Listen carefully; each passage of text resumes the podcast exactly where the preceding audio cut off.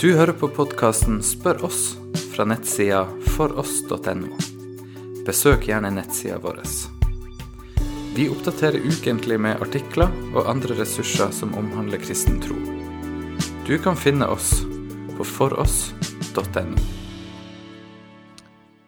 Hei, hei, og velkommen til en ny episode. Mitt navn da er Ingvald Kårbø. Og nå håper jeg at du har fått tatt en god ferie. Jeg har i alle fall eh, hatt en fin sommer der jeg har prøvd å koble mest mulig av ifra daglige gjøremål. Men nå er jeg klar for å svare på nye spørsmål som det måtte sende inn via foross.no. Og Dagens spørsmål da er spørsmålet 'Hvordan kristne tanken?' Hvordan kristne tanken?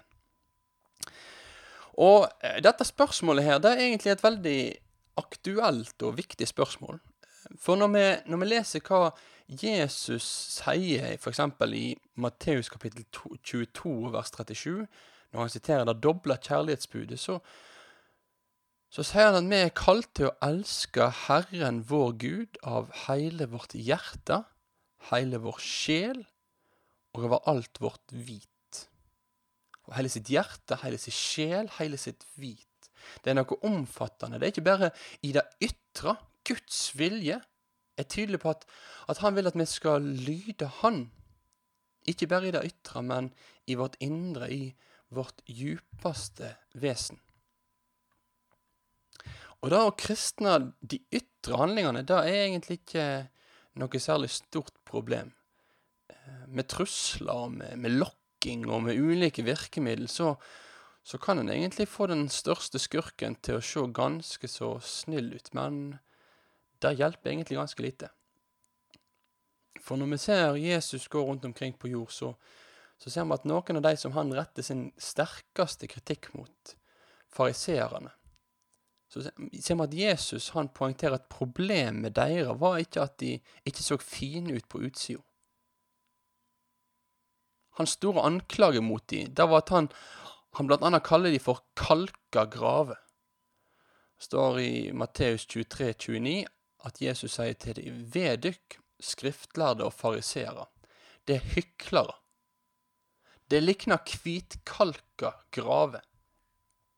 Utenpå er de fine å se på, men inni er de fulle av daudingbein og all slags uregnskap. Så uansett hvor mye en pynte på utsida. Hvis det er røte på innsida, så hjelper utsida lite. Så Derfor syns jeg at dette spørsmålet her om hvordan kristne tanken er egentlig et veldig bibelsk og veldig godt spørsmål. Hvordan kristne tanken, hvordan kan det kristne budskapet trenge dypere inn i et menneske enn at det bare former utsida? Og det første og, og viktigste svaret jeg, jeg, har å komme med på dette spørsmålet her, er at et kristent sinn, eller en kristen tanke, kun kan komme ut av at et nytt liv blir født. For at et menneske sin tanke kan bli kristne, så må mennesket først og fremst bli født på nytt. Det nye livet, der et menneske har fått komme til tru på Jesus som sin frelser og herre, og leve i trua på Han, har òg fått en ny vilje. Ja, det gamle mennesket med egoviljen er der fortsatt, men det nye livet har òg et nytt sinn, der Kristus og Hans gode vilje blir ens lyst. Når Bibelen i Det nye testamentet siterer Gamle testamentet eh, om den nye pakt, så kan vi se hvordan Det nye testamentet henviser til at den nye pakts tid skal være ei tid der, der Gud skriver sin vilje på hjertet til sitt folk. La meg lese fra Hebreabrevet kapittel 8 vers 10b og utover. Jeg vil legge mine båd i sinnet deira og skrive dei i hjertet deira. Jeg skal være deira Gud, og de skal være mitt folk. Da skal ingen lenger undervise sin landsmann og sin bror og seie, Kjenn Herren, for de skal alle kjenne meg, både små og store. For i nåde vil jeg tilgi all uretten deira, og ikke lenger hugsa syndene deres. Så her ser vi at den nye pakts tid, det er ei tid der Gud skal i sin nåde tilgi urett, tilgi synd.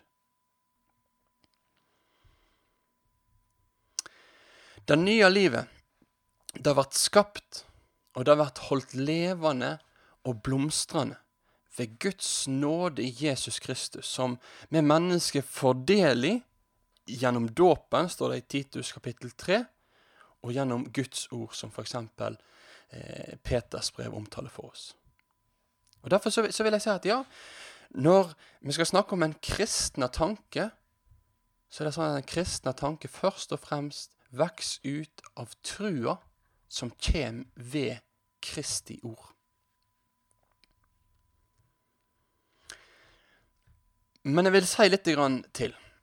For alt er ikke sagt med dette her. Jeg vil, jeg vil si noe om hvordan Bibelen òg har ei ganske sånn her praktisk side knytta til, til, dette med kristningen av tanken.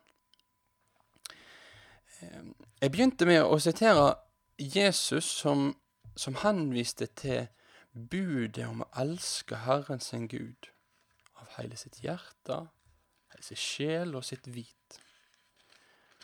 Og Jesus han siterer da eh, 5. Mosebok kapittel 6 og vers 5. Men det som står etter 5. Mosebok kapittel 6 og vers 5, er at Gud gjennom Moses i Det gamle testamentet gir folket en praktisk veiledning for hvordan de ordene som Moses har talt, må verte noe mer enn bare ord som går inn ene øret og ut andre øret.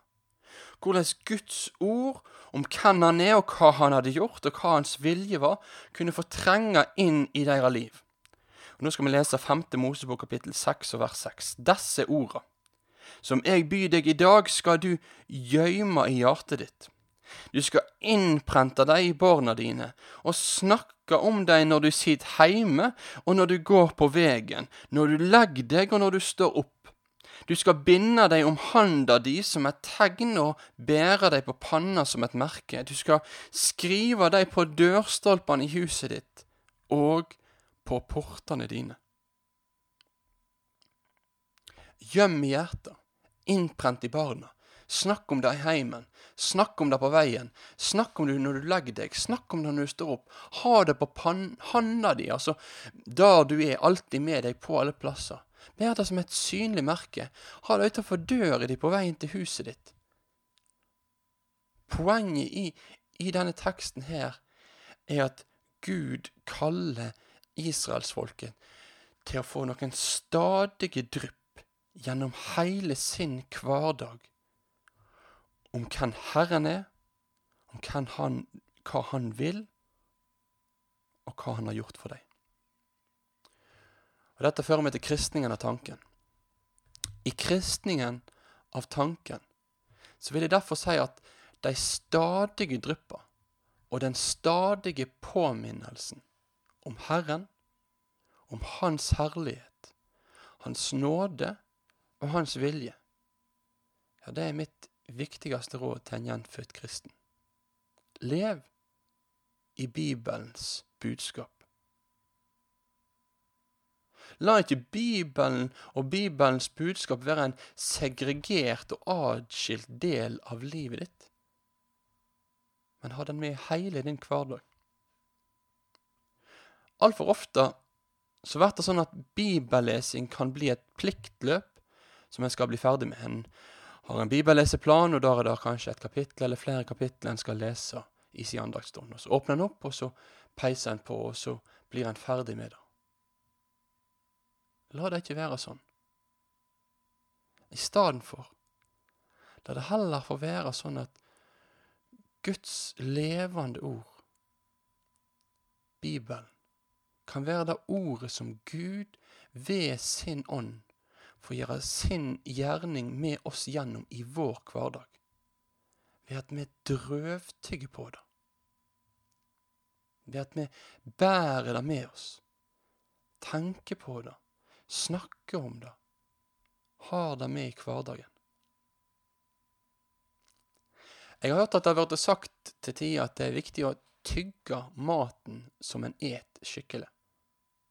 Men mitt råd er at den som vil kristne tanken, framfor alt skal tygge på ordet. Tygg på det. Be på bakgrunn av det. Og så vil det skje med deg, sånn som det som Paulus vitner om i 2. Korinterbrev kapittel 3 og vers 3. At når vi stirrer på Herren og på Hans herlighet, så vil Han gjennom sitt ord omdanne oss til å ligne Han. 2. Korinterbrev kapittel 3 og vers 18. Men vi, som uten slør over andletet ser Herrens herligdom som i en spegel, vi blir alle omdalla til dette bildet, fra herligdom til herligdom, og dette skjer ved Herrens ande. Du har nå hørt podkasten Spør oss. Still flere spørsmål, se andre ressurser, og vær gjerne med og støtte oss på foross.no.